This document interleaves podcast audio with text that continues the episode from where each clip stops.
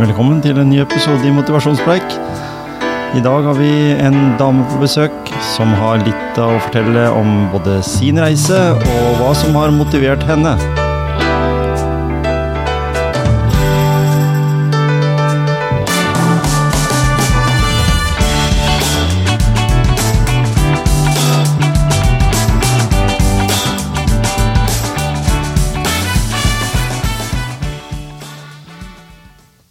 Da er eh, vi kommet på plass i studio, og i dag så har jeg fått eh, besøk av leder i Skien Arbeiderparti, Trine Almenning. Velkommen til eh, motivasjonspreik. Takk for det. Du tok det på strak arm, du. Du, vi har ikke gått gjennom hva jeg kommer til å spørre deg om, eller noen ting. Og når vi tenker at vi har et parti som sliter litt i motvind sånn sentralt, da, så har, har vel ikke samme fokuset dere som jobber her lokalt?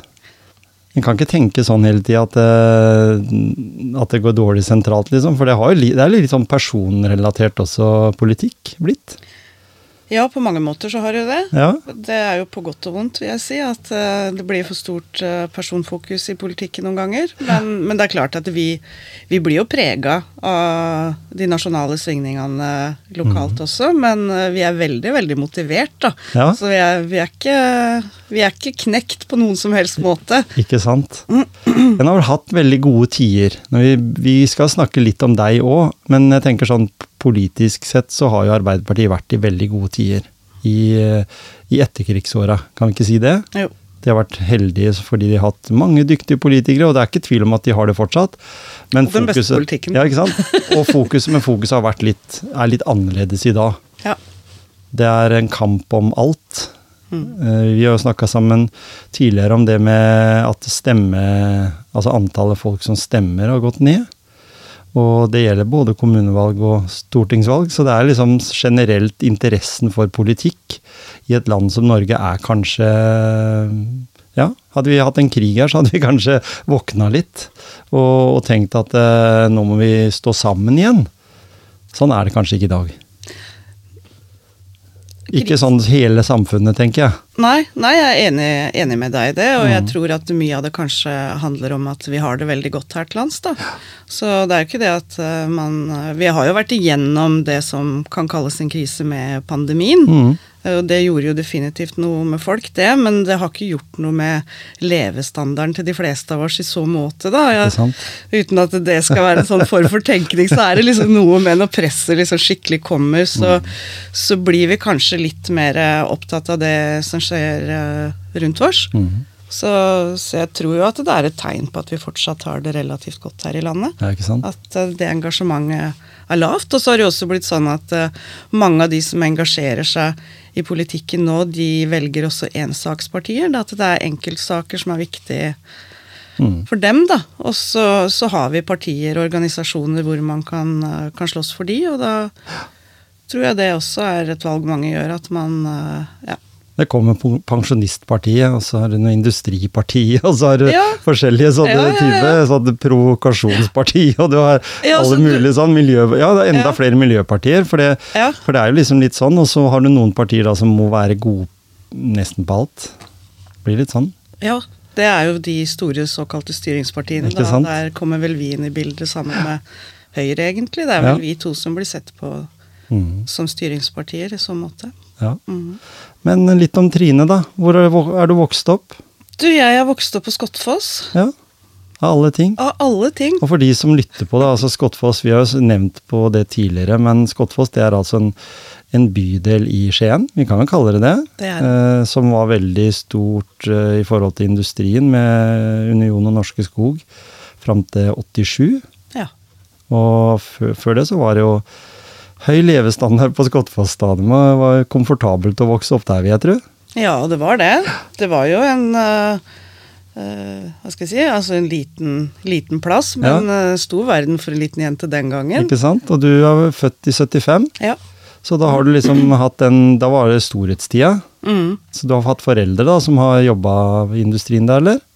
Nei, det har jeg faktisk ikke. Altså, Nei. Den var jo på hell når jeg eh, kom til verden. Begynte å liksom gå, gå nedover. Så jeg eh, Faktisk ingen i familien min da når jeg ble født som jobba der. Nei. Eh, men forgjengerne har jo vært det. Det viser seg at slekta mi har vært der i generasjoner, så jeg Ja. kommer liksom ikke utenom. Men, men den gangen så var det ikke noen som gjorde det. Faren min jobba i Porsgrunn, Ja. og Herøya. Ikke sant? Mm. Men var industrien. Han var industrien. er jo, vi er jo en industri... Eh, Ja. kommu- eller kommuner. Ja. Grenland og altså Porsgrunn, Skien. Mm. Men da å vokse opp i et ganske så trygt miljø på Skottfoss, eh, med skole, alt var jo på, sammen på plassen. Mm. Du slapp liksom å pendle til Skien, sånn som det er i dag. Ja, eh, ungdomsskolen gikk vi jo i byen. Ja, ikke sant? Men eh, helt fram til det så fikk vi være der oppe, ja. Mm. Mm. Hva eh, har det gjort med deg, sånn, eh, sånn, som person? Ja, hva skal jeg Hvilken ende skal jeg begynne da? Ja. Nå skal du høre her. Nei da. Ja, for det, jeg har jo hørt sånn, eh, for jeg har jo familie, altså kona mi, hennes familie kommer jo da fra Skottfoss de òg, Mm. og også fra Grøtsund, liksom, i områdene der. Og det er liksom sånn å, å ha, sånn som du sa her, eh, i generasjoner, da er du blir tatt godt imot eh, på Skottfoss, og så er du ikke det, så blir det liksom, var, ikke den nå da, men det var, Mm. da var liksom, «Å, ja, er ikke du i familie med noen her? Eller liksom, Ja. flytter du hit, og så ikke tante og onkelen din, eller ikke foreldrene dine her, liksom? Det har vært litt sånn. Ja, det, det var det. Og jeg, eh, ryktene forteller meg at det er litt sånn ennå. Ja. Altså, det, det er jo en kultur et sted. Men eh, tenker at å vokse opp på en sånn liten plass, eh, det er, det er både på godt og på vondt, det. Mm. Det også har vært der i generasjoner, så, så kjenner jo folk deg, og de kjenner deg jo gjerne bedre enn deg sjøl noen ganger også. og Det, som sagt, det kan være på godt og vondt. Så, men i en total så vil jeg jo si at jeg har hatt en veldig, veldig fin og trygg eh, oppvekst der oppe, da, med både venner og besteforeldre og foreldre og i det, det hele tatt. Så det, det er jo et flott sted å vokse opp. var Det er sånn fem minutter fra byen, liksom. Sånn. Ja, jeg tror det er så langt, Ja. men det er ikke mer enn fire-fem kilometer, så det er egentlig bare en liten gåtur. Ja. Og så vokste det jo opp eh, to eh, litt større eh, sånne boligområder. Åfoss på den ene sida, og så Gulset på den andre. Mm. Så du fikk på en måte, du lå liksom nede i eh, Alltid når jeg er ute og sykler med en kompis eller andre, så når vi sykler forbi Skottfoss, så er jeg alltid sånn Åh, er ikke den kirken ligger så flott her, liksom, ute på den veia, og, og eh, husa ligger oppi lia. Så, så det var jo Det kunne jo fort endt at et av de byggefelta der blei på Skottfoss, da. Hvis det, hvis det hadde blitt, eh, vært fortsatt industri der, da. Ja, det, Tenker jeg. Det er bare veldig tilfeldig at det ble sånn. Ja. Ja. Jo, nei, men du sier jo noe der, og det var jo eh, det var jo alltid litt sånn at litt sånn kniving mellom Skottfoss og Gulset og Skottfoss og Åfoss. og mm. Er ikke fra Åfoss, er fra Skottfoss. ikke sant? Ja, ja. Altså, de tinga var, eh, var veldig viktige Nemlig. på den tida. Men, eh, men det er jo et veldig Det er jo et idyllisk og flott sted. Så som du Mm. sier, hvis industrien hadde blitt bevart der, så, så kunne det jo faktisk blitt, uh, blitt på den måten. Det var, det var Det kunne vært et liten samfunn. Det kunne vært sånn som Brevik er for Porsgrunn. Ja. egentlig, fordi det, der har du liksom arbeidsplasser, og Mm. nå er det ikke så veldig mange arbeidsplasser igjen der. Det er Nei. eh, noen få, men de fleste de ønsker å kanskje jobbe i Skien eller Porsgrunn eller, Ja. eller i området der. Men når du da var ferdig på barneskolen, så begynte du på ungdomsskolen, var det Lunde? Ja. Ikke sant? Det stemmer. Så da kom du inn til byen. Kom vi til byen, ble vi sentralisert.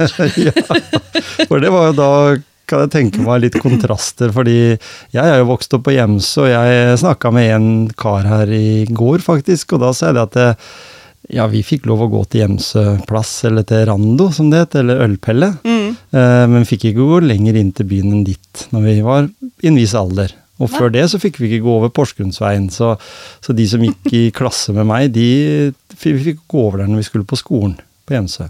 Men vi gikk alle ni åra der, så det var liksom kjekt og trygt på den måten, da. Men allikevel så tok det litt tid før du på en måte var nesten Jeg kan ikke huske at jeg var i byen før annet med foreldrene var markedsdag, ja, eller så var det liksom når du begynte på videregående. Da kom du inn til byen. Det var såpass, ja. Så det var liksom litt sånn at det, det også blei et lite Ja. miljø her, når det var 2,5 km til byen. Mm. Så det blir litt sånn, eh, i hvert fall for vår som sykla eller gikk. Så, så avstander gjør jo at når du da havna i byen, så, så blei det plutselig nye venner, eller? Du fikk jo litt andre klassesammensetninger, vil jeg tro. Ja, absolutt. Eh, og jeg tror det at vi eh, For byen var ikke så fremmed for meg, opplevde jeg, når jeg skulle begynne på ungdomsskolen. For det var nok en del ting vi måtte gjøre i byen. Ja, ikke sant? Fikk gjort på Skottfoss. så, så vi eh, Ja.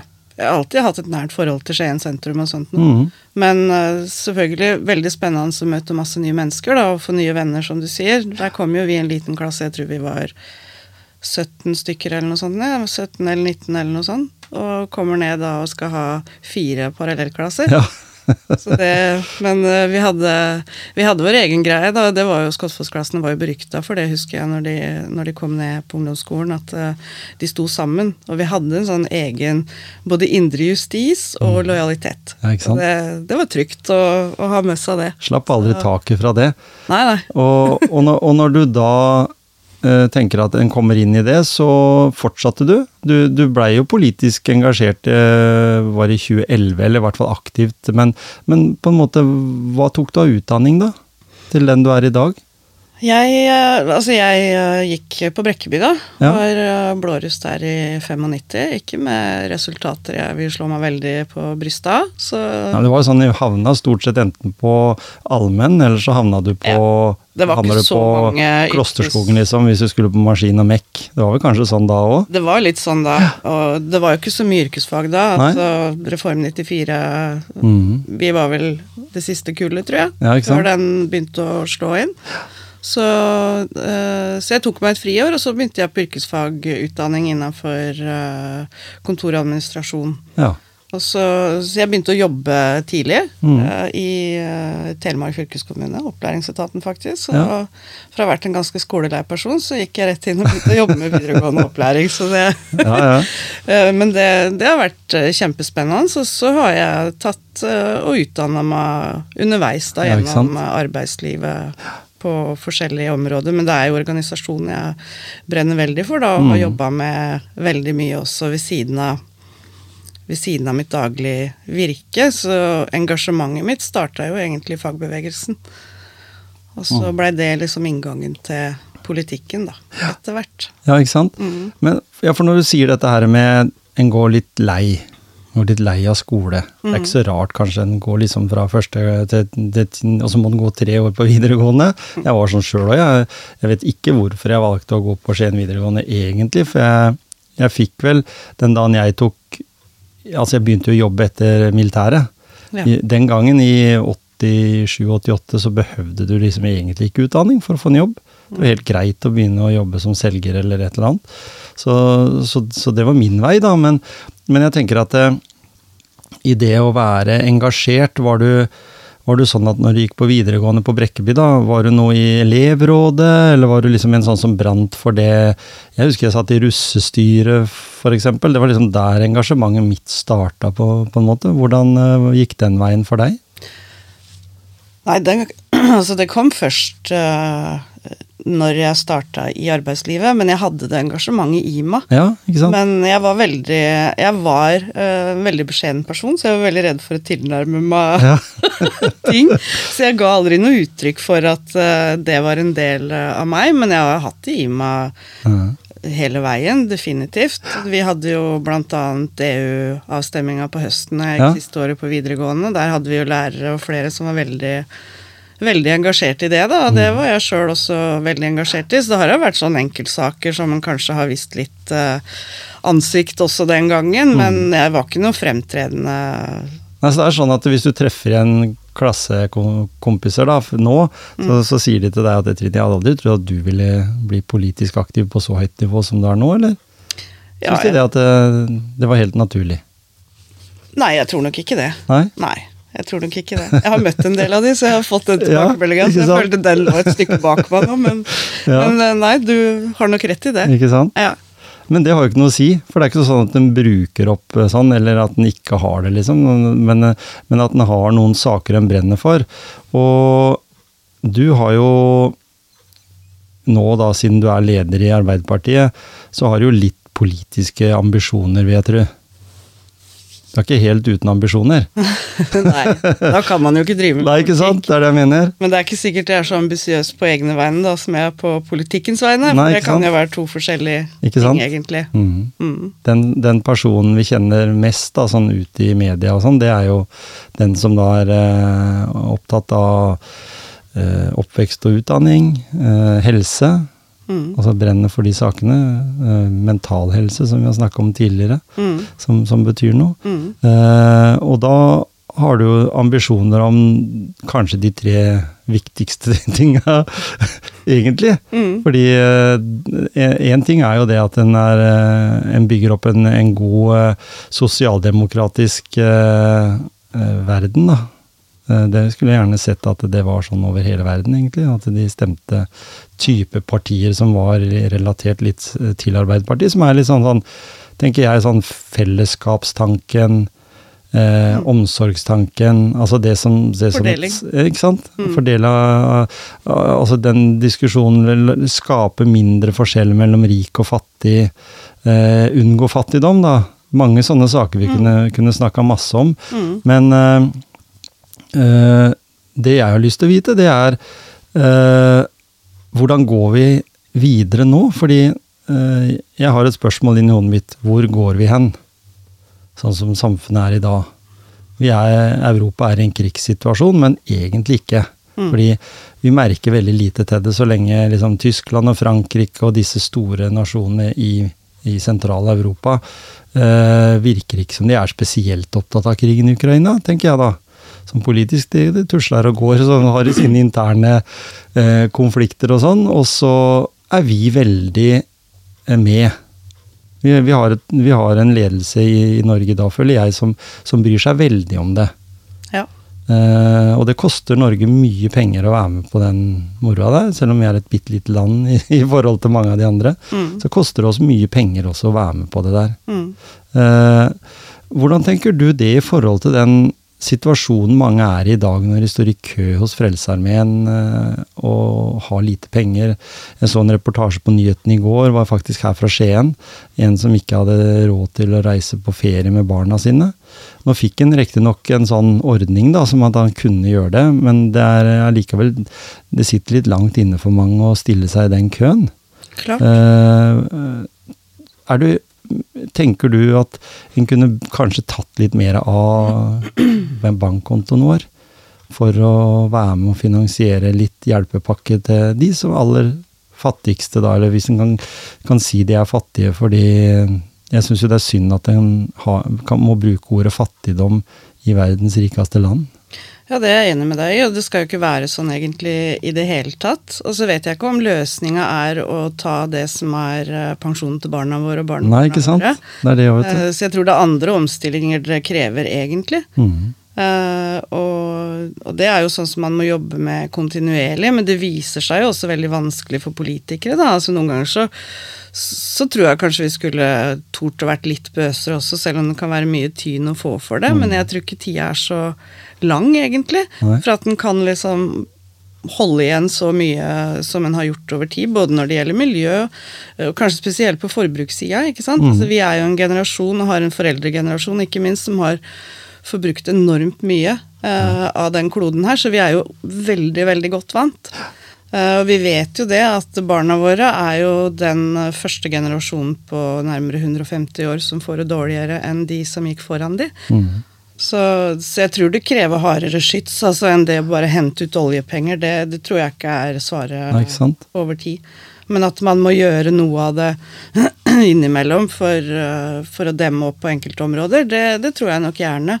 Men det skal ikke være nødvendig i et land som Norge at noen skal være så dårlig stilt at de må stå i kø for å få mat heller. Ikke det er sant? nok ressurser i det landet her til, så det er om å gjøre å få fordelt det på Mm. den beste og mest riktige og rettferdige måten, da. Mm. Og det er mulig, tror jeg. Det er jo en jobb eh, som ikke kommunene kan gjøre noe med.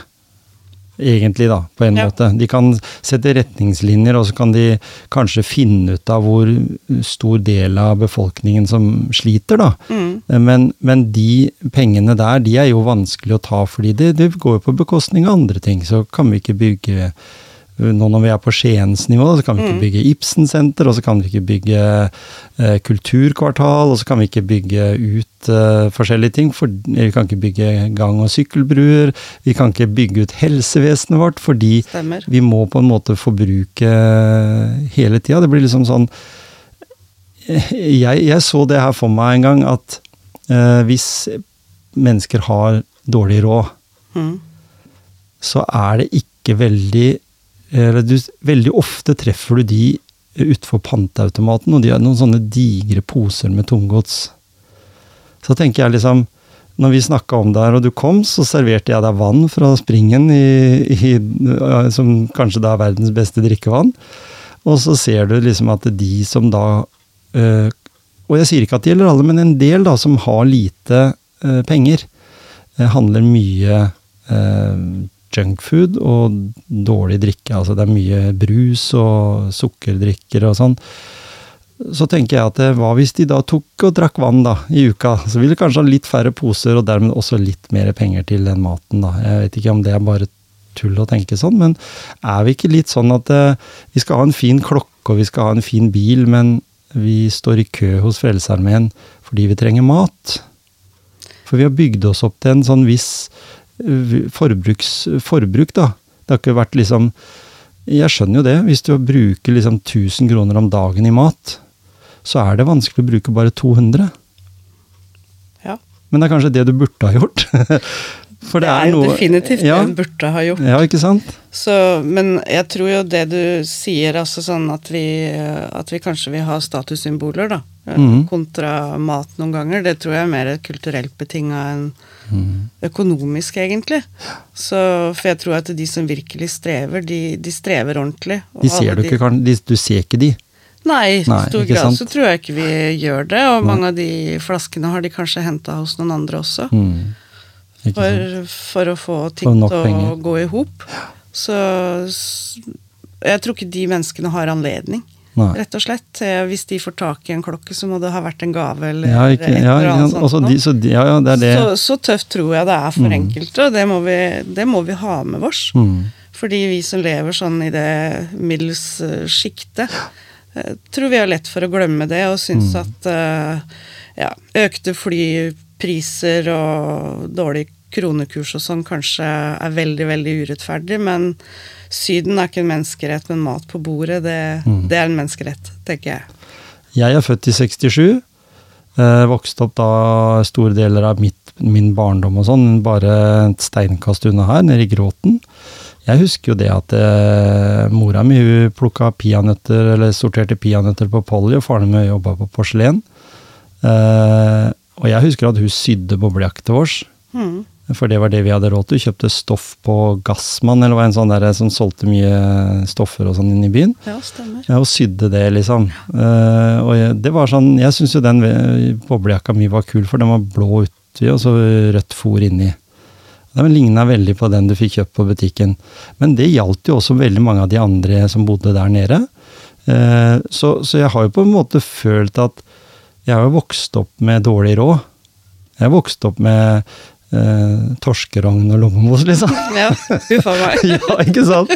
Blodpudding. Ja, ikke sant, sånne ting. Ja. Eh, og jeg husker hva vi for meg, da, så jeg har sagt det på andre episoder, at eh, mitt fristed var å dra med bestefaren min eh, på hytta på Løvøya, liksom, utafor Brevik. Mm. For da fikk vi kjøre motorbåt ut, og så fra Gråten, da, og så brukte vi liksom type to og en halv time for å komme til Brevik. Stemmer. Og det var den turen. Mm. Bare ligge der på bånn på den båten og så bare høre den klukkinga mens vi kjørte utover, og bestefaren min som satt med pipe der. Det var nesten akkurat som han der. Ja, ikke sant? Det er derfor jeg har det bildet, for det ja. minner meg om han. Ja, skjønner. Og da, da tenker jeg det at det, Så det er bare én generasjon eh, nå som på en måte kommer etter oss, da, eller etter meg, eh, og mine barnebarn igjen, som på en måte erfarer det som er nå. For vi har muligheten til å spole tilbake og tenke at ja, Mm. Jeg vet hvordan det var. Mm. Eh, og så er kanskje vi den verste generasjonen, eller, og kanskje til og med våre foreldre òg, som ja. har de hyttene i Kragerø og hytte på fjellet og kjører fin bil og, og alt det. Og så, og så, klager vi over hvis vi må dele litt, at det er litt høyere priser i Sverige og sånn. Hva, hva tror du om det at vi har blitt eh, Hva skal jeg si? Det er fælt å si demonisert, men vi har liksom blitt så påvirka av velstand og rikdom. Mm. At vi på en måte ikke Jeg prater så mye med mennesker som sier at jeg var drillere, at vi skal gi så mye penger til utlandet, liksom. Kan vi mm. ikke heller bruke de sjæl? Hva tror du om det? Er det sunt? Trenger, vi, eh, trenger vi noe motgang for å liksom bli sterke igjen? Det er noen som sier det, et sånt ordtak som sier det, at hvis du ikke har opplevd motgang, så er du ikke sterk nok. Nei, ikke sant? Og så er det motbakke det går oppover. Ja, da- ikke sant? Men ja, det Det var et langt spørsmål, men ja, jeg, skal, jeg tror jeg fikk med meg essensen. Nei, men i hvert fall til det siste der, da. Altså, så, så Jeg tenker det er veldig trist hvis det skal være sånn med oss mennesker, da, at vi har stilt for sånn at det er først når det liksom ordentlig butter imot at vi skjønner hei, eh, nå, nå må vi gjøre noe. Men historien viser jo at det ofte er sånn, da. At det må butte litt liksom før vi, før vi tar ordentlig grep. Men eh, vi er jo eh, her og nå så er vi jo definitivt et produkt av den tida vi, vi har levd i. For det har jo vært Jeg har jo sjøl Jeg har ikke mangla noe i oppveksten. Det har ikke vært overflod av alt mulig heller, så det skal ikke, skal ikke stå på det. Men det definitivt ikke mangla noe. Men jeg hadde besteforeldre øh, Besteforeldrene mine på den ene sida, da, de var jo godt voksne når de fikk øh, mora og tanta mi. mm.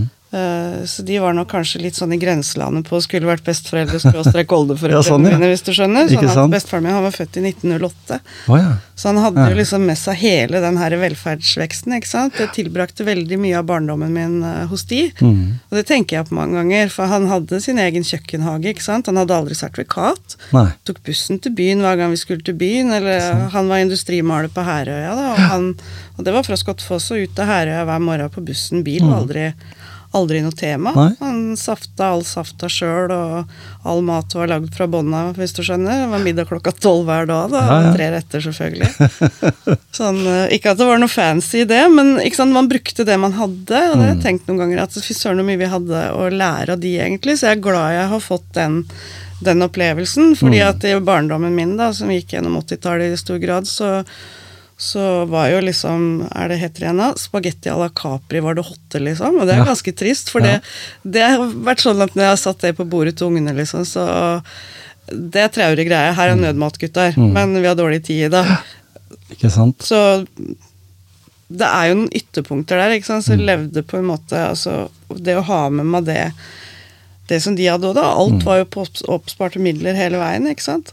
Søsken bodde sammen, husker jeg. Søsknene til beste, begge besteforeldrene mine, de, de bodde sammen. De som ikke var gift, de bodde sammen. Mm. Ikke det at jeg unner noen det, altså, men, Nei, men, det men var jo på en måte Man var- tok vare på hverandre også på, på en annen måte. Det har jo rigga seg, liksom. Og det, Så det er jo litt eh, Uten at man skal tenke at man skal gå tilbake, så er det liksom noe med den eh, Det som var den gangen også, som er ganske Mm. verdifullt, da, som både går på forbruk og i forhold til det å, å ta vare på hverandre også som, eh, som mennesker. Da. Vi har jo kanskje blitt mer og mer hva skal jeg si? Eh, Vi har jo alltid vært enkeltindivider, men eh, mer og mer konsentrert om enkeltindivider, kanskje. Ettersom tida har gått. Men hva tenker, du, hva tenker du om det som Altså i forhold til det at du er selvberga, på en måte. Jeg har inntrykk av det, i hvert fall, at den yngre generasjonen nå, de unge som vokser opp nå, de er eh, Jeg sier ikke at alle er Greta Thunberg, men de er litt mer sånn eh, i opposisjon. Nå må vi skjerpe oss, liksom. For det er jo, Mm. Og tross alt så har de skjønt at eh, vi, vi, vår generasjon, har ikke muligheten til å ta tak i det. Eh, Vi kan jo gjøre våre ting, Ja. men, men det er ikke vi som på en måte nå går inn og redder verden. Nå er det jo de som kommer etter oss. Fordi de har funnet ut at det her må vi bare ta tak. De har kanskje noen flinke lærere på skolen som sier ifra om ting, eller kanskje de er engasjert i natur og ungdom. Altså det har kommet en bølge tilbake igjen fra Det kom jo veldig en stor bølge på 70-, begynnelsen av 80-tallet òg Mm. den er på en måte litt tilbake igjen nå, har jeg inntrykk av. Mange unge mennesker som jeg ser på hjørnet her borte på Hjemsøy, så er det ungdom som møtes, og de er liksom i en sånn eh, interesse for å gjøre noe. Det, hvordan funker det i Arbeiderpartiet sin sånn AUF-virksomhet? Er det litt sånn som det var en tid for noen, en generasjon siden? At det er mer at den brenner for saker som har med miljø og klima og, Ja. og fattigdom å gjøre? ja. Mm. Det er eh, definitivt noen av kjernesakene til AUF. Spesielt klima og miljø. Ja. De brenner for iskanten. Mm. Hvert Ja, ja. eneste møte det skal gjøres vedtak på Arbeiderpartiets politikk, så, så tar de opp de samme sakene gang på gang. Mm. Og det viser seg jo at det funker. Ja, For til slutt så vinner de fram, ikke sant? ja ikke sant? Så det, For vi, vi vår generasjon, vi skyter Frøya vi, fordi den ligger på gummibåten vår. mm, Eh, mens de unge de gråter fordi en ser at vi eh, ikke bryr oss om de dyra, men vi bryr oss om velferden vår, kanskje. Jeg, sånn føler jeg det. Jeg blir liksom litt sånn for klump i halsen når jeg ser på det. For jeg er jo, jeg er jo sånn at eh, når jeg har arbeidskollegaer som sier ah, vi skøyt det rådyret som vi slakta og la i fryseren, tenkte jeg skyter ikke Bambi. så jeg, liksom, jeg, så, jeg har så mildt Har ikke hjerte jegerprøven, med andre ord. Nei, jeg er ikke den første som står i kø for å ta den. Mm. Uh, og det er lov å være sånn, og det er lov å Ja. være motsatt, fordi det er noen som syns det er kult også. Men jeg tenker at for min del så, så, så, så ser jeg den verdien i det. Jeg syns det var meningsløst f.eks. å ta livet av en, en hvalross som, som hadde kommet ned. Men så kjenner jeg jo saken ikke så veldig godt. Kanskje jeg ville blitt veldig sur hvis det var min båt den lå og ødela, men Ja. Allikevel. Ja. Det er sånn, som du sa her i stad, det er luksus å dra til Det er masse ilandsproblemer. ja, å dra til, til Syden, det er luksus, men å ha mat på bordet, det er en selvfølge, liksom. Mm. Mm. Ja, men jeg tror også at den oppvoksende generasjonen altså det, De er utrolig intelligente, vet du. Ja, mye mer enn oss. Ja, og de har jo holdt på å si vært i Alle er jo det når man vokser opp, altså en form for læring, men de har jo fått det på en helt annen måte, ikke sant. Mm. Og evolusjonen funker vel fortsatt, så de har nok Ja. et enda bedre hue og kan kanskje bruke enda mer av kapasiteten enn Mm. det vår, eh, vår generasjon har. En må gjort. håpe på det. Ja, man det virker jo sånn, synes jeg i hvert fall. Det virker sånn. De, de har helt andre, andre verdier og holdninger, virker det som, Mm. eh, som er viktige nå, da. Ikke sant? Så, og det uten, uten at det hva skal jeg si, definerer eh, hvordan verden er, men jeg har vært med studenten min ut og handle, for eksempel, og da skjønte mor at eh, her har du litt å lære. ja. For det er sånn, Når jeg har vært og besøkt den, så er det alltid sånn eh, før jeg skal dra, så stikker vi og handler, ikke sant. Så handler jeg inn litt uh, til det, og da er det sånn Å, nå har jeg skikkelig lyst på kjøtt. Ja ja, men da finn det kjøttet du vil ha, ikke sant. Så handler vi det. Og da går han og kikker på hylla, ikke sant. Og følger nøye med på pris per kilo og sånt noe. Mm. Ja, skal du ha kylling? Ja da, jeg går og tar Prior kylling. Nei, nei, nei. Vi tar First Price, den er like god. ja. Og så sjekker den ut, ikke sant. Og det viser seg at det skiller ganske mange kroner. Mm. Så bare den der bevisstheten i forhold til det òg, nå høres jo det mer ut som en sånn pris, eh, pristenkning altså, enn en enn, eh, forbruk, men, men det henger jo sammen det også, Mm. ikke sant. Og det gjør heller ikke noe å betale for noe som er av kvalitet heller, hvis eh, det kommer til, til god nytte i, Nei, i den større sammenhengen. Mm. Så, men det var, eh, det var litt sånn aha-opplevelse for meg, for jeg tror liksom eh, en pakke karbonade der er 84,90 eller 83,90, liksom. Jeg tar Gilde, den er safe, ikke sant. Ja. Det kan jo være mange kroner forskjell per kilo, da. Jeg skal ha 400 gram, jeg, Ja. så jeg følger ikke med i timen. Nei, det er ikke Så, sant? så det, det var veldig. Men syns, men syns, du det, syns du det er litt sånn eh, Hva jeg skal si? Syns du det er litt spennende å se at eh, den yngre generasjonen tar sånne Det er jo viktige valg. Mm. Hvis hun tar det gjennom altså det, er ikke, det er ikke nødvendig å kjøre i en Tesla X, du kan kjøre i en Toyota, liksom, og komme like greit fram. Kan det. De er jo, den tenker jo litt sånn. Hvor mye penger altså Kanskje neste generasjon ikke er så opptatt av bil, at kanskje bare leier en bil i en sånn kollektiv, eller kanskje en, eh, at det er bare vi som er så opptatt av det skal være bil, bil. bil med hengerfest og henger og campingvogn. Jeg skal ha liksom Ja. alt det der. Ja. Mens at eh, Nei, søren, jeg har jo en kompis som har varebil, så vi kan låne den. Jeg bør ikke ha det sjøl. Mm. At det er litt sånn Mm. at det Jeg syns det er nesten en Det sitter litt langt inne for meg å spørre om hjelp fra folk, fordi jeg tenker veldig ofte på det at da må jeg også stille opp igjen, liksom. Så, så da tenker jeg at det, da spør jeg ikke. Nei. Men jeg stiller jo opp for en del, men allikevel så tenker jeg jeg har ikke så lyst til å spørre liksom at, eh, at jeg svigersønnen min skal stå her i stigen og male huset mitt. Mm. Det kan jeg jo male sjøl. Mm. tenker jeg da. Ja. Men allikevel så vet jeg at det, veldig mange unge mennesker de deler på veldig mye. Mm. De bor sammen.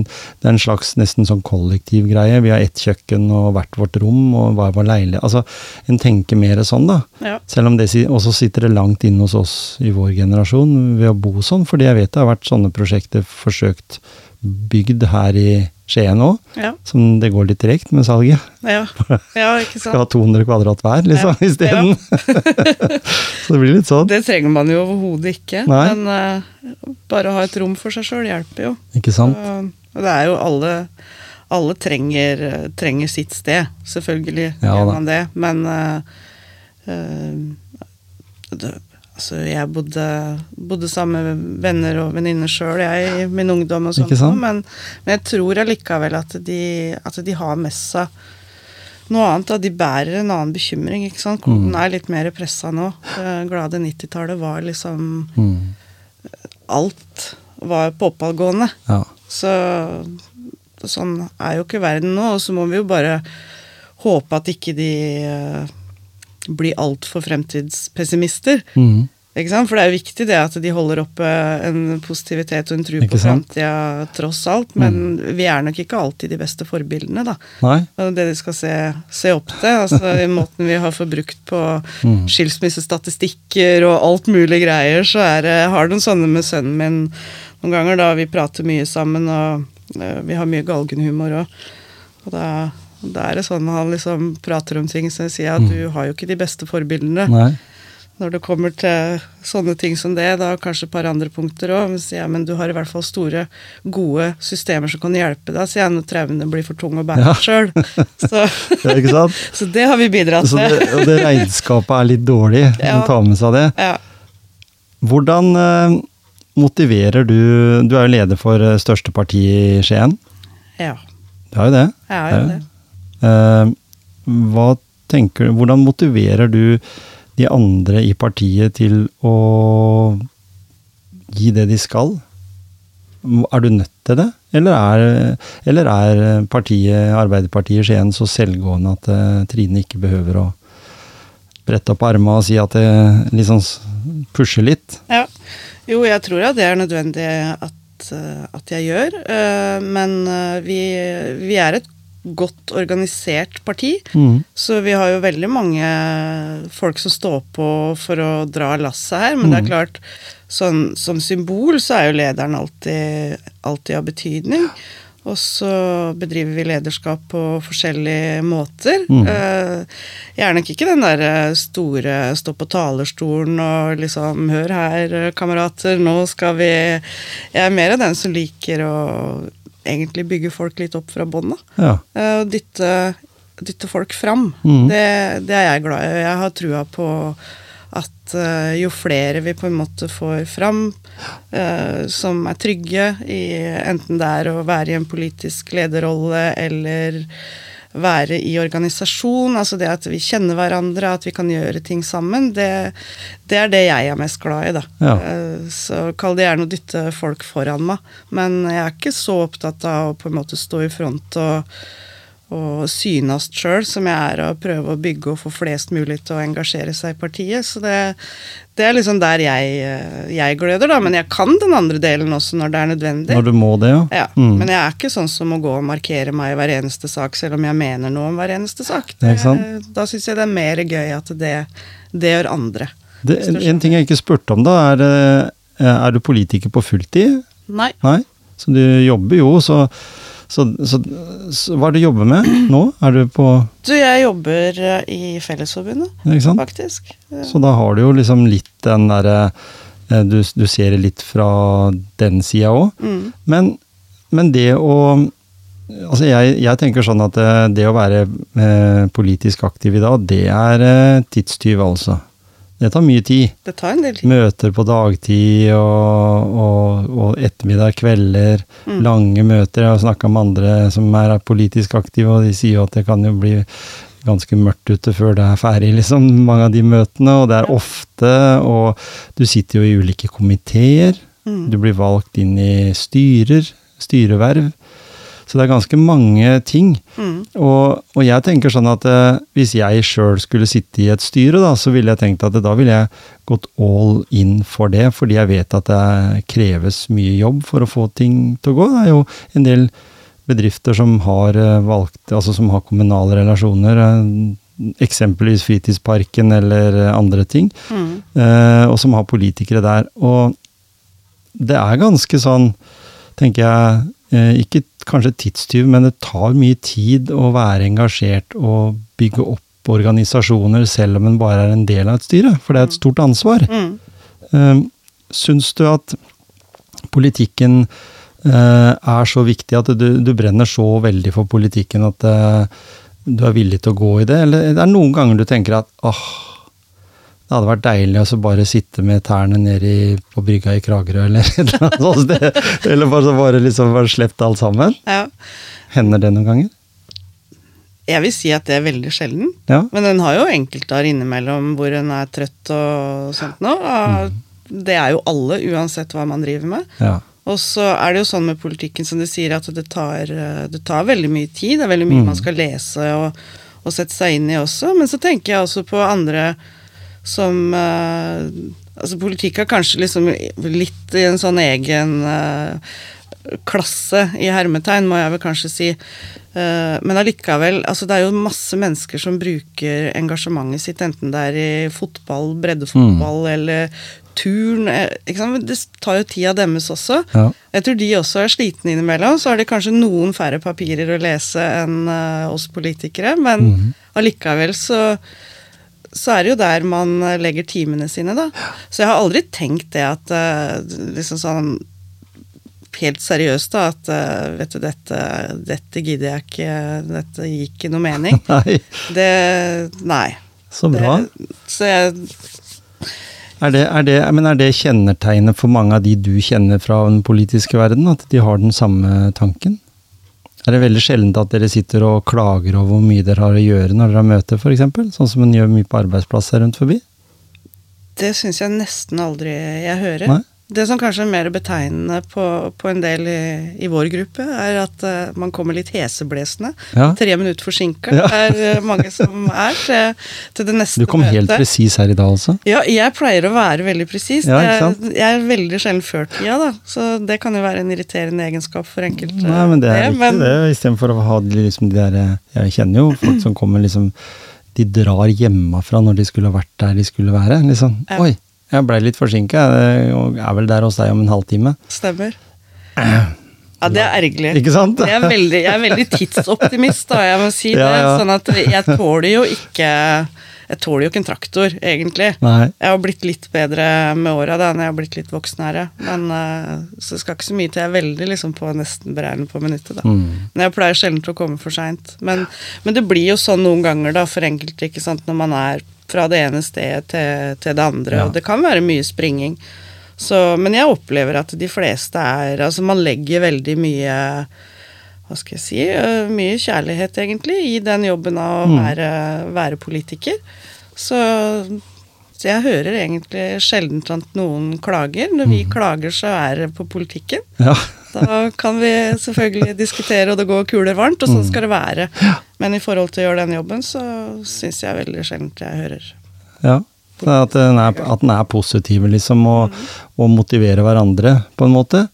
Eh, når du da eh, sier at du har din måte å dytte fram eh, kolleger og andre som, som er aktive innen politikken, og vi snakka litt om det, at ikke det er spesielt lukrativt, for det er jo, tar jo mye tid. Eh, for alle tror jo det at alle politikere tjener så sinnssykt mye penger fordi de har ikke jobb, men de bare sitter på møter Ja, og sånn, og, og bestemmer.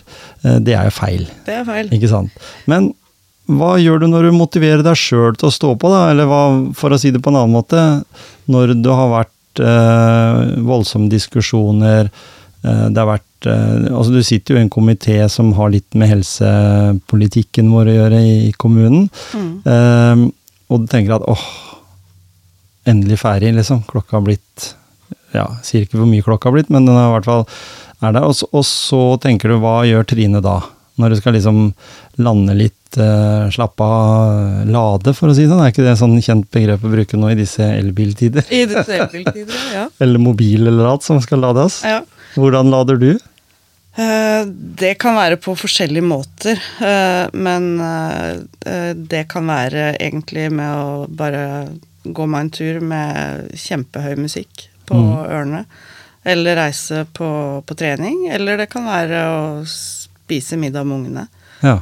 Så Men bare det der å liksom få senka skuldrene, gjøre noe annet, slå Mm. huet litt, grann, så, så er jeg good to go, egentlig, jeg. Ja. Etter, etter det. Bare få kobla av litt. Så du har hurtiglader, Ja, på en måte? ja, Mm. jeg tror det. Men det er ikke noe sånn at jeg er sånn her og der og overalt hele tida. Jeg er veldig Altså, jeg har det privilegiet også at jeg, jeg kan fint skru av. Mm. Sånn at jeg kan stå i veldig alvorlige saker, men jeg sover på natta. Ja. Fordi jeg greier å legge, legge det bort. Det skal i hvert fall veldig, veldig mye til at det tar Mm. fra meg nattesøvnen. Og det er som jeg sier at uh, kanskje særlig som politiker, da, er det viktig å si at det handler ikke om at det ikke er så graden av viktighet eller at det betyr noe. Men det er også greit å få en seks-syv timer uh, før neste økt. Da. Er det ikke det? Så, så det, det greier jeg fint å gjøre. Men, men hvis du tenker da politikken, eh, Arbeiderpartiet, mange staute, flotte folk, og fortsatt en, en masse flotte folk da, som er der. Men eh, har, har du noen politiske forbilder? Noen som har motivert deg til å på en måte si yes, altså derfor så brenner jeg for politikk? Eller den gjerningen du gjør? Ja, jeg syns kanskje det er vanskelig å plukke ut enkeltpersoner på det. Vi har jo hatt mange Ja, ikke sant? Alle de som du har vokst opp med, og som jeg har vokst opp med, det er liksom fra ja. Trygve Bratteli, Oddvar Nordli, Gro Harlem Brundtland. Ja. Alle, og alle kjenner jo de, for de står i historiebøkene. Ja. Mens det er mange politikere som har vært eh, på reise i politikken, men som ikke det står nevnt noe sted. Mm.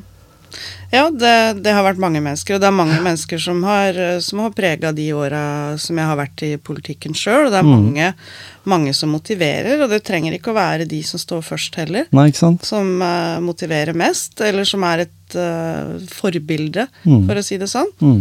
Uh, de kan du finne mange steder i, i et parti og Ja, for er det noen som har dytta fram deg òg, eller? Som du føler at det liksom har vært sånn i partiet jeg, når jeg var oppe på Klyve og på den familiedagen, så eh, satt jo Einfrid Halvorsen der. Jeg tenkte å oi jøss, er Einfrid fortsatt aktiv? Det er liksom Mm. eh, uvant å se en såpass voksen dame engasjere seg så.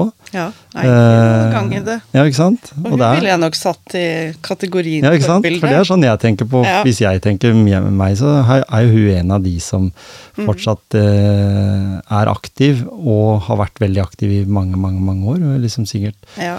uh, tatt eh, Gro Harlem Brundtland i handa, og kanskje til og med forgjengerne eh, Ja. Er det het for noe? Han Trygve Bratteli? er Liksom, en sånn, da Ja.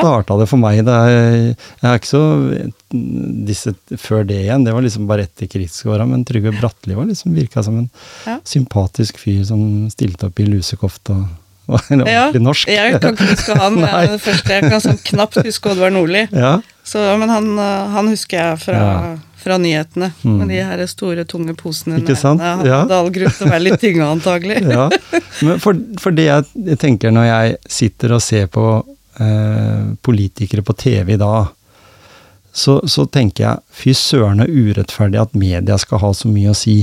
Mm. For de kan stille de eh, vanskeligste og de dummeste spørsmål som gjør at en politiker som skal forsvare politikken sin, da, eller, eller den, den verven har.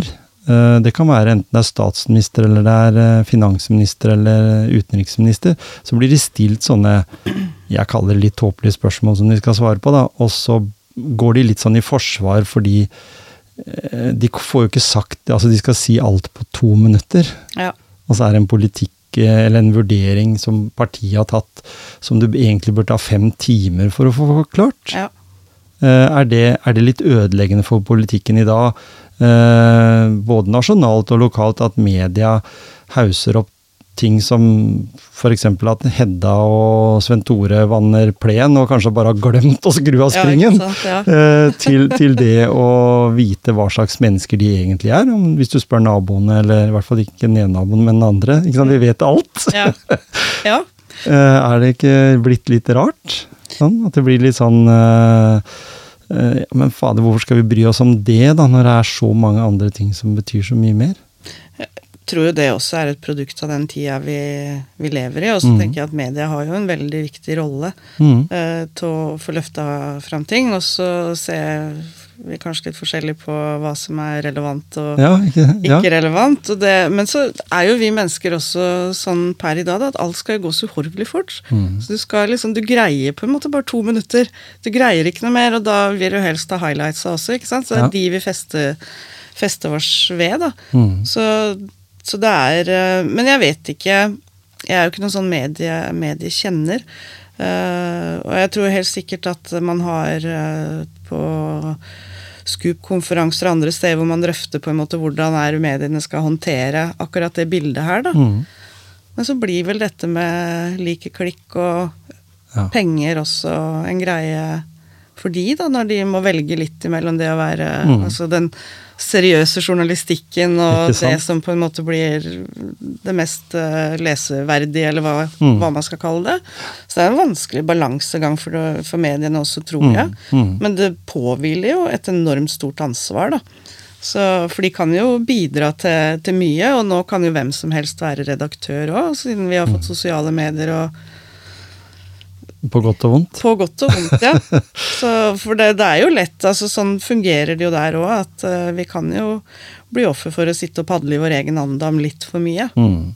Så og det hjelper jo ikke alltid med de store mediene heller. Det er jo litt skremmende nå til dags, syns jeg, å se hvor mange som på en måte går inn i den konspirasjonsteoritenkninga og, og sånt noe. Det- Vi mennesker liker jo litt mystikk, men den mystikken blir litt for mystisk. Ja, eh, eller, noen le, ganger. da får jeg heller lese Jørn Lier Horst eller, eh, Ja, eller litt mer om Harry Hole eller sånn, da, Ja. for å få det, i stedet for å begynne å lage sånne egne, egne teorier. mm, og være nett altså Alle er jo på en eller annen måte litt nettroll når det er dårlige eh, Forholdsvis dårlig tid. Det, da. det, det er jo det er sant, det. Eh, jeg har lyst til å spørre, spørre deg på, mot slutten. eh, hvordan tror du det går i valget? Det er det dummeste spørsmålet, for nå spør jeg sånn som de journalistene gjør. ja. Eh, for det vet du jo ikke. Men, ikke. men, men- men kan vi anta at, at en Eller håper du, da, for å si det sånn. blir du motivert av å tenke, da, for det må jeg jo si når, siden det er motivasjonspreik, Mm. at blir du motivert av å tenke at jeg håper jo innerst inne at folk tar til fornuft på slutten, da, eller når det nærmer seg. At de ser at det er viktig å, å bruke de verdiene som står i Arbeiderpartiet, da. Mm. Ja. Mm. Uh, Tror du det er en tanke, liksom, at, eh, at folk egentlig så er veldig mange der ute veldig fornuftige, sånn i utgangspunktet. Og, og vi går jo bare og venter på den der eh, ideelle løsninga i forhold til strøm, ikke sant. Vi går og venter på, på den ideelle løsningen i forhold til uh, de nasjonale tinga, da. At det blir slutt på den krigen i Ukraina, uh, og at vi som fredslandet Norge, da, bør jo forhandle fram Jeg så stakkars eh, kollega da, deg, utenriksministeren vår, som måtte stå og forsvare at det var kommet tre stykker fra Taliban til Norge for å være med i noen fredsforhandlinger. og jeg tenker at det er, betyr absolutt ingenting annet enn at det er viktig at de får litt beskjeder fra oss, da, fordi jeg tror ikke de svarer på en messenger. Hvis du sender den til lederen i Taliban eh, Du, nå må dere huske på det at dere må ta dere av damer i landet deres, ikke være så dumme. mm. De må, de må møte face to face. Men det, det, det er jo en annen sak, det kunne vi snakka sikkert timevis om. Men, men allikevel så tenker jeg at eh, hva, hva skjer nå mot valget? Hva tror du? Skien har eh, lang historie med Arbeiderpartiet som leder, eller ledere. Jeg har hatt noen sånne med Høyre innimellom, men, men øh, det er jo noen flinke politikere som kommer hjem igjen. altså Odin skal jo overta roret litt, og så er det jo fortsatt noen da som har sittet i en halv mannsalder så, som ordfører og andre som, som er flinke folk, og du er jo en av de som skal stå på litt. Uh, tror du hun greier det til slutt, eller? Ja, ja altså Må, må jo tro det, for ellers hadde du ikke giddet. Nei, Nei øh, men det er, jo alltid, det er jo alltid ting å slåss for, for å si det sånn. Ja. Uh, og tilbake til det du spurte om uh, i forhold til motivasjon og, mm. og, og tro, da, så tenker jeg at i utgangspunktet så tror jeg at uh, absolutt alle, selv høyrefolk, er sosialdemokrater. Ja, Ikke sant? Alle har de beste ønskene for, for menneskene rundt seg og, og seg sjøl. Og så er det bare det at uh, man uh, Ja, man noen har en grei økonomi, da, så da er det lett Mm. å på en måte få inn litt sånn kapitalistisk uh, tenkning her Ja, og der. Det er jo der uenigheten står, ikke Mm. sant. Og det, jeg tror jo det, i forhold til mye av det vi har snakka om i dag også, altså når når det brenner og når det blir litt tøft, så, Mm. så tror jeg det er den måten de fleste tenker på, og så er det da veien til løsningene som, eh, som skiller oss. Men jeg har trua på, jeg har trua på Skien, jeg og trua Mm. på at folk eh, fortsatt støtter opp om, eh, om Arbeiderpartiet. Og så er det veldig tida å bli sinna på saker og bli sinna Ja, på politikere og sånt noe. Det, så sant det er innafor rimelighetens grenser, så er jo det noe av det vi har signa opp for også. Så det, det skal vi stå bra i.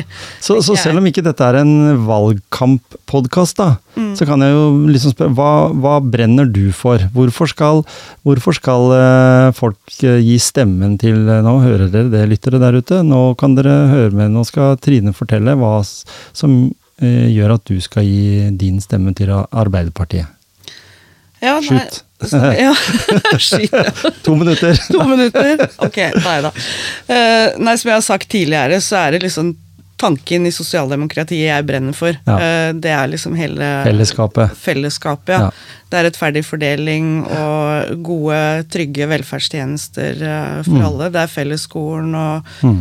Ja, at vi skal ha like muligheter uavhengig av hva som er bakgrunnen vår. Ikke sant? Og det er jo det vi i Arbeiderpartiet er tufta på. Så Ja. kan vi krangle om mange forskjellige typer saker, og en reguleringssak eller hva det Mm. skulle være, så kan man se forskjellig på det. Men jeg tenker at det er viktig at når man velger partier som skal styre kommuner og fylker, så, Mm. så må man velge det partiet som har en helhetlig tenkning, og det, det har Arbeiderpartiet. Ja, ikke sant. Mm. Jeg hadde en eh, fra Høyre i den stolen der sist, der, for noen få dager siden. Ja. En som heter eh, Harald. Ja, Øh... En som er opptatt av sykkel. ja Harald Tidemann Hansen. Ja. Mm. Uh, og det var en av hans hjertesaker. Hva er, hva er din største hjertesak? Hans største hjerte... Hans hjertesak var det å på en måte få mer gang- og sykkelstier, og liksom man tenkte at det var viktig, da. Ja, sånn, ja. Eh, og du får se en altså, For jeg vet at vi har jo en utrolig bra skole. Er, dere har vært flinke til å prioritere det for å bygge en god skole i Skien. Mhm. Eh, vi har liten arbeidsledighet, sånn for så vidt eh, på, på landsbasis. Selv om Telemark kanskje scora litt dårligere, så, så har vi det ganske greit der. Eh, ser ut til at vi får landa et eller annen form for eh, Ibsen-bibliotek.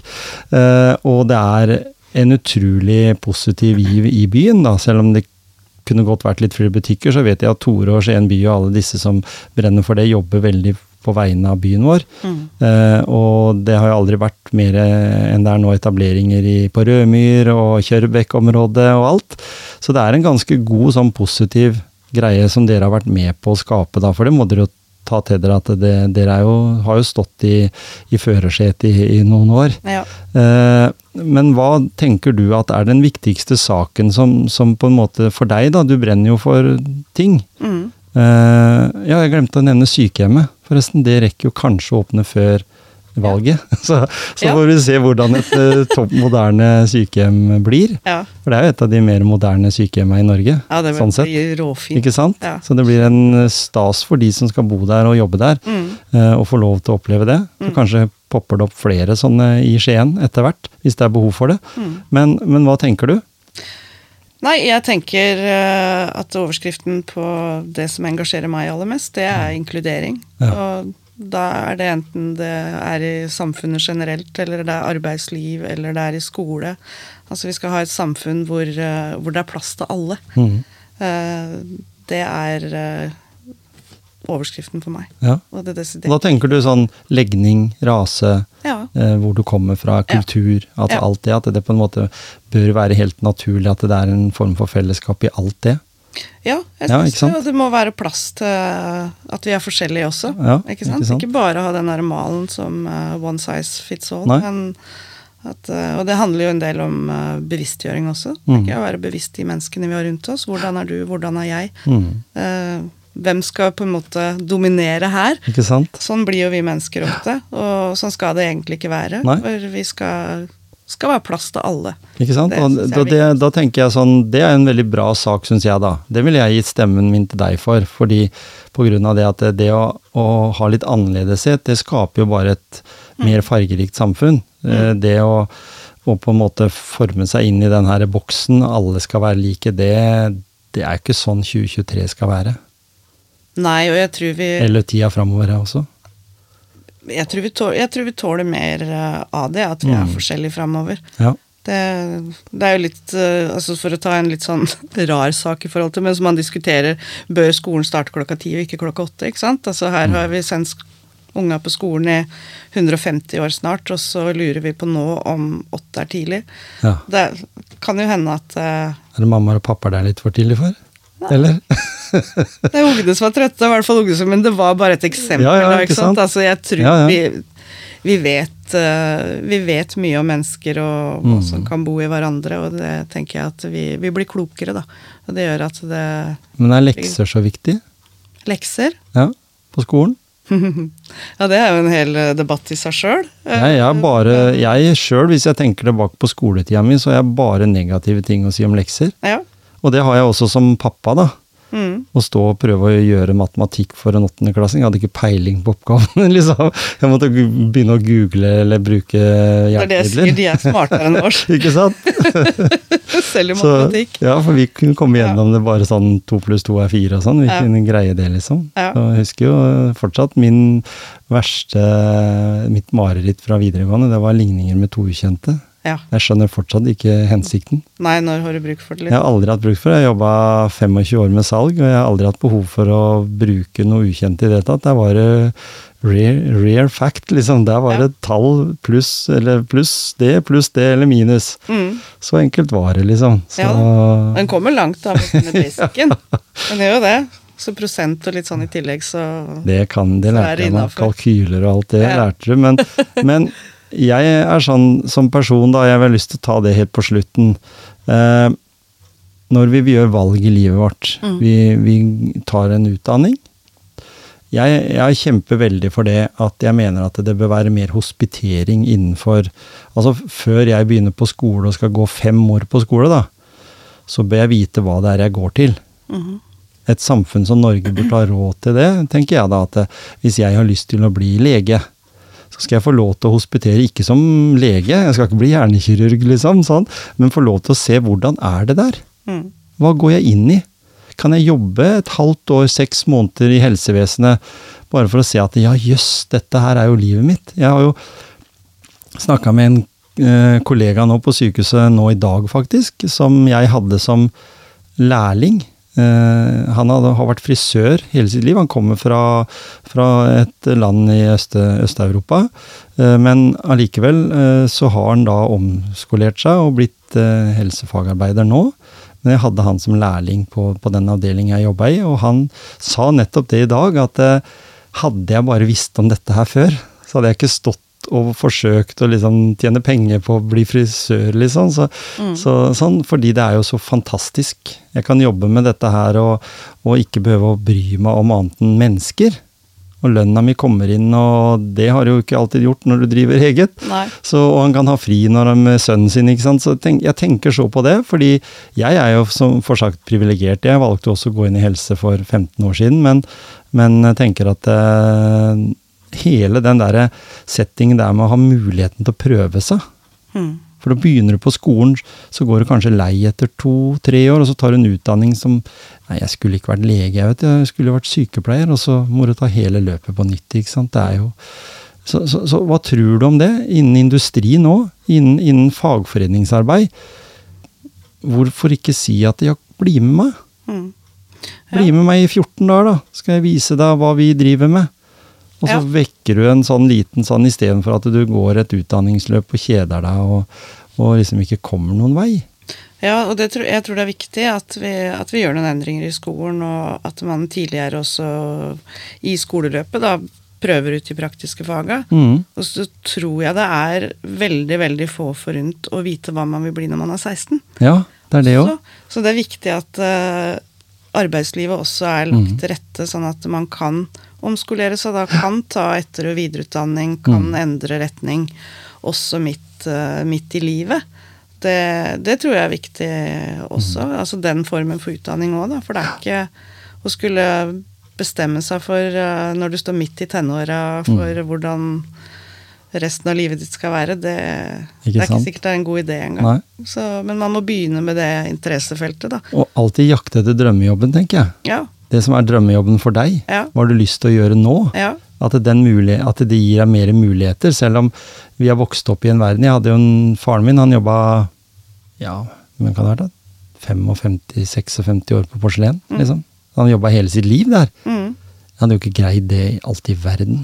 Ikke det at jeg ikke hadde vært ålreit med de kollegene og sånn, for jeg slutter aldri en jobb fordi jeg det er ikke sånn at jeg ikke liker kollegene mine. Nei. Det er jo det største savnet som er når en bytter jobb. Mm. Men det er så utrolig spennende å prøve noe annet. Ja.